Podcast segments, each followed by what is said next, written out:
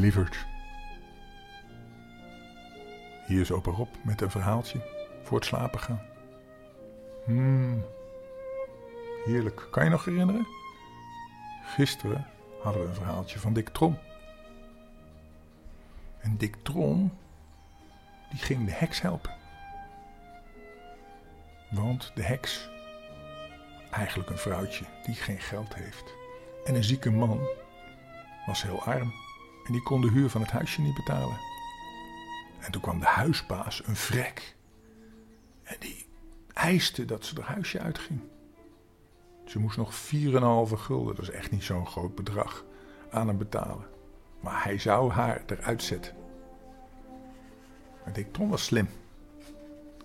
Dick Trom die heeft gewoon heel simpel gezegd: luister. Jij moet betalen. En hij is als heks naar het huisje gegaan.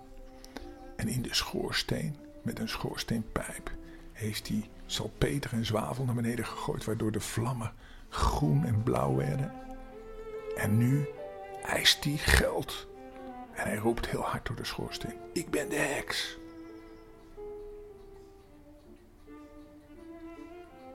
Hier is de heks. Hier is de heks met de bezem.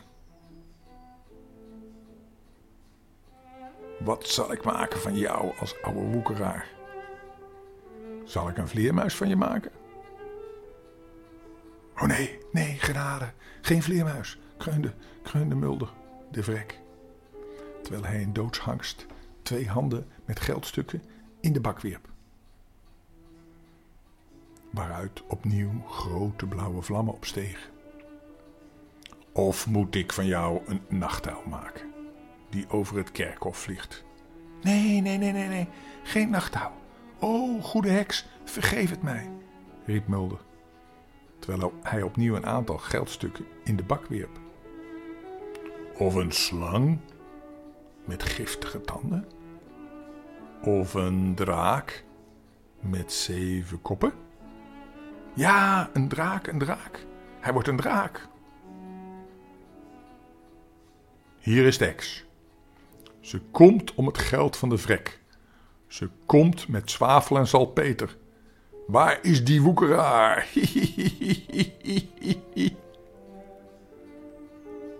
help, help. Oh, genade. Hier is mijn geld. Hier is mijn geld. Daar, daar. En de oude man wierp sidderend handenvol geld in de bak. Oh, genade. Laat me toch alsjeblieft geen draak worden. Oh, oh. En plotseling werd het gegil nog heviger en akeliger. En grote blauwe en groene vlammen stegen van het haardvuur op. Het gebulder tegen de luiken duurde op onophoudelijk voort. Vol ontzetting bedekte Mulder zijn ogen met beide handen en kroop in de donkerste, donkerste hoek onder de tafel, waar hij voorover op de grond ging liggen. Elk ogenblik verwachtte hij dat de heks binnen zou komen. Maar nee hoor, langzamerhand werd het stiller. En eindelijk had hij ook, hoorde hij nog een gil en toen niets meer. Maar hij durfde nog steeds niet op te kijken. Maar toen hij eindelijk na lange tijd geen verdacht geluid meer hoorde, kwam hij voorzichtig uit zijn schuilhoek tevoorschijn. En keek de kamer in. Gelukkig, er was niets geheimzinnigs meer te zien. Het vuur was weer gewoon, zelfs bijna uitgedoofd. En er was geen verdacht geluid. Hij bekeek en betastte zich aan alle kanten om te onderzoeken of hij ook betoverd was. Maar hij werd gerustgesteld. Hij bevond zich nog steeds onveranderd en ongedeerd.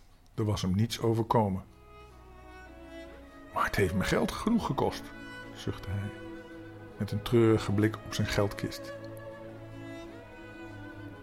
Laten, laten mensen me nooit meer zeggen dat er geen heksen zijn. Boe, akelig. Ik weet er nu alles van. Over alle leden bevend borg hij zijn schat weer weg en legde zich in bed, ging slapen. Maar hij werd de hele nacht door akelige dromen en nachtmerries gekweld. Als die man geweten had dat de heks niemand anders was dan Dick, die met een kachelpijp heen en weer al die onzin naar beneden had getoeterd, terwijl zijn makker Piet op de deur en de venster peukte, dan zou hij zeker niet zo gemakkelijk afstand gedaan hebben van zijn geliefde geldstukken. De volgende morgen keek hij telkens naar de haard om te zien of er nog geen groene of blauwe vlammen uitstegen. Maar het stukje zwavel en salpeter dat Dick uit de apotheek had meegebracht en op het vuur geworpen, was al lang verbrand. Niemand was echter meer verbaasd dan de hekst toen ze s'morgens wakker werd. Op de tafel lag namelijk een beurs, gevuld met geldstukken. Die zeker door de gebroken ruit daar waren neergelegd. En in die beurs zat een briefje, waarop met duidelijke letters geschreven wordt: Een geschenk van Mulder aan de heks van de Achterweg, weg, die levenslang voor niets in haar huisje mag blijven wonen. Oh, wat lachte die Mulder vreemd toen de oude vrouw hem met tranen in de ogen bedankte voor de weldaad die haar bewezen was. Hij lachte als een boer die kiespijn had. Nou, dat was een bijzonder verhaaltje van Dick Trom. Maar we hebben nog even tijd. Zullen we nog een klein stukje doen?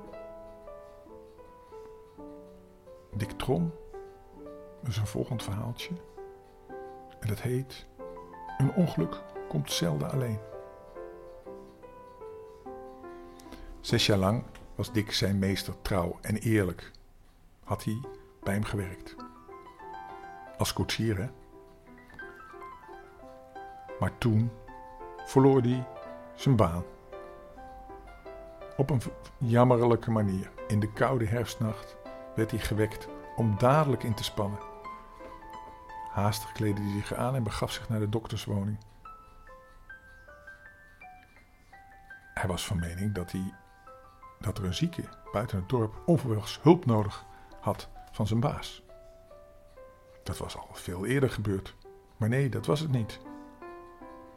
De goede jongen, die dol veel van zijn baas hield, kon van sprik, schrik bijna niet spreken toen hij van het dienstmeisje hoorde wat er gaande was. O Dick, ben je daar?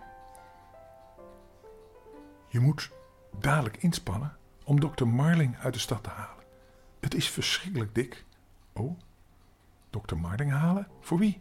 Kan de dokter het zelf niet doen? Nee, nee, Dick. Oh, het is verschrikkelijk. Gauw, maak voort. Maar wat is er dan aan de hand? Je staat daar maar te huilen en te jammeren. En je zegt niets. Oh, het is zo erg, Dick. Ik ben er helemaal akelig van. De dokter. Oh, oh. Wat spreek je toch? Is de dokter ziek? Ja, Dick, dat is vreselijk. Een beroerte heeft hij gehad. Wat? riep Dick ontsteld. Wat zeg je? Heeft de dokter een beroerte gehad? En hoe is het nu met hem? Oh, Dick, zo erg.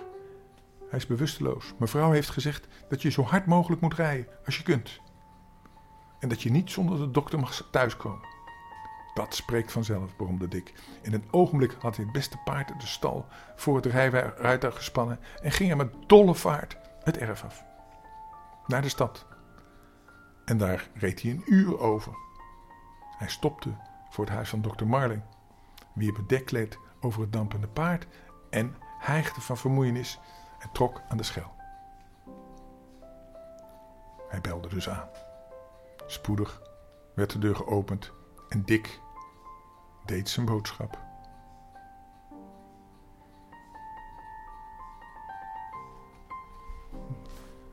Ik zal de dokter wekken, klonk het antwoord.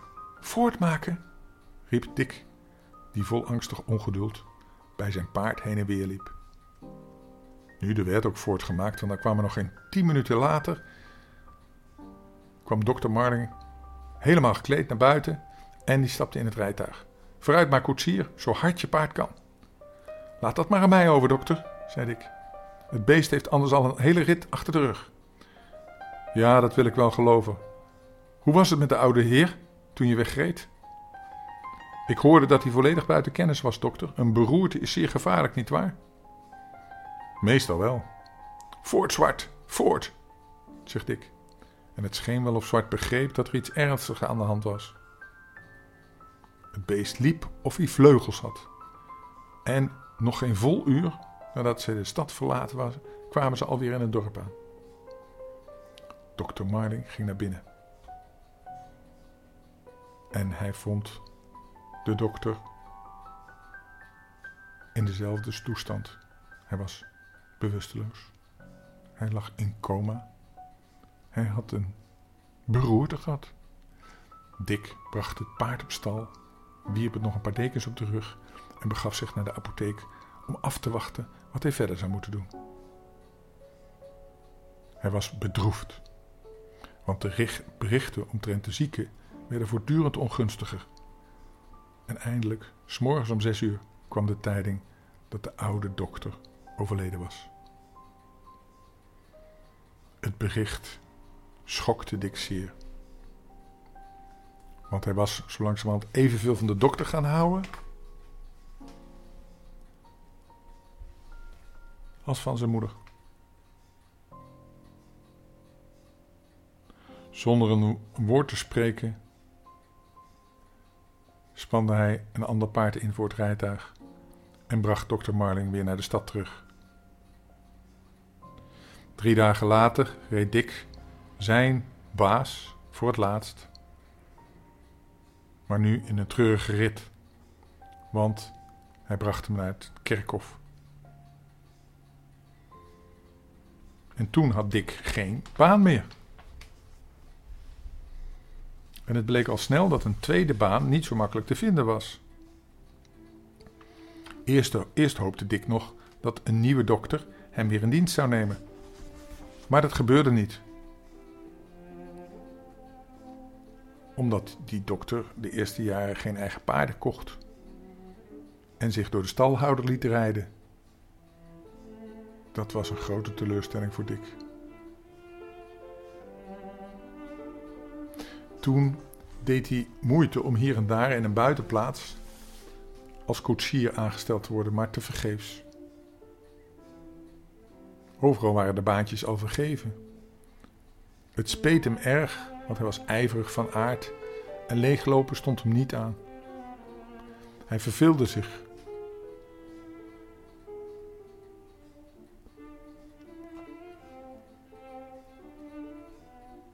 Hij wist niet wat hij moest doen.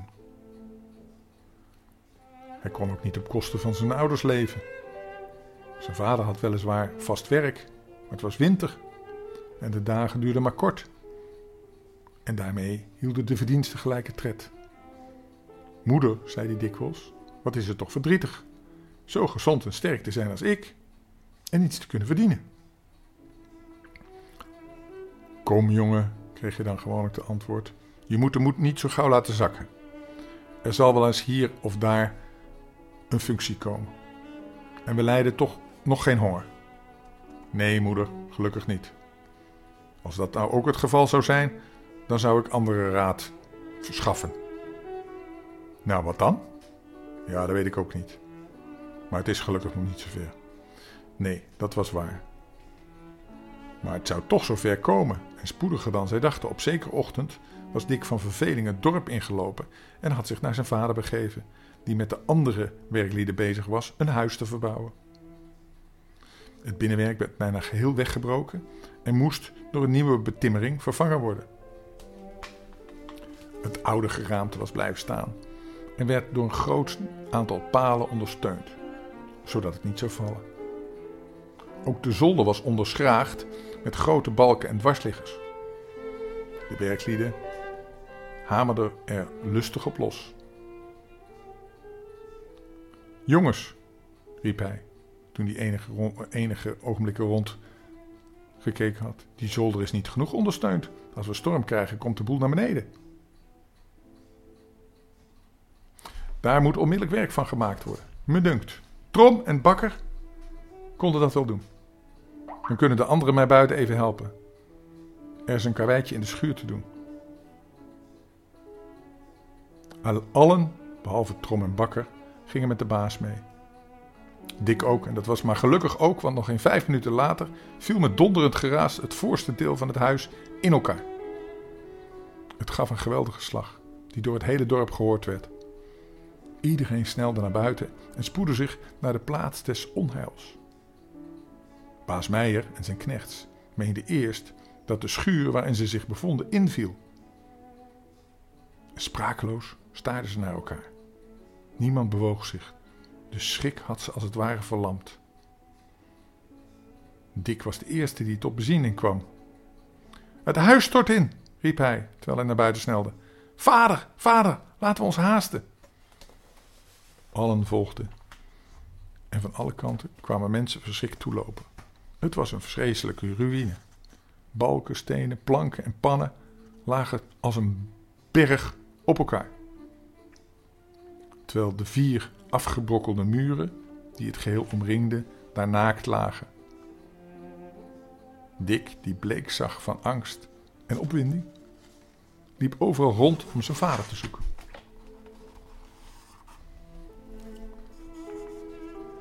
Hij hoopte maar dat hij niet onder het puin bedolven was. Vader, vader, riep hij met krachtige stem, terwijl zijn blik over de menigte ronddwaalde. Heeft iemand vader gezien? Nee, Dick, we hebben hem niet gezien. Is hij nog niet gevonden? Nee, nee, zei Dick zuchtend.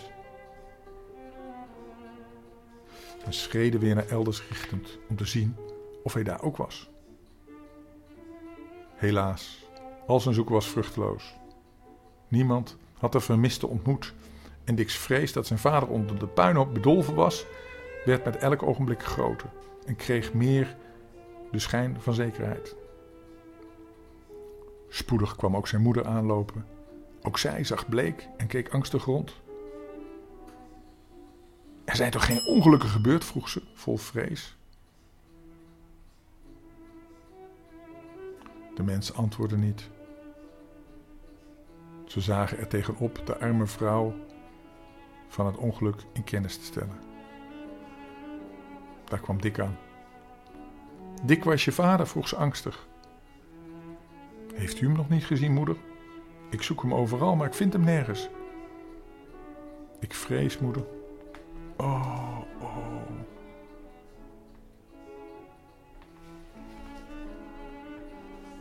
Nou, dat is ook wat. Nou heeft de vader van Dick Trom een ongeluk gehad. Zou die onder het puin liggen? Ik denk dat we morgen maar eens verder moeten luisteren. Het is niet een heel vrolijk verhaaltje om mee te gaan slapen, maar toch, we moeten het ermee doen. Zo is het leven nu eenmaal soms. Ga maar lekker slapen. En misschien komt het allemaal wel goed. Laten we dat maar hopen. Welterusten. Tot morgen. Dag.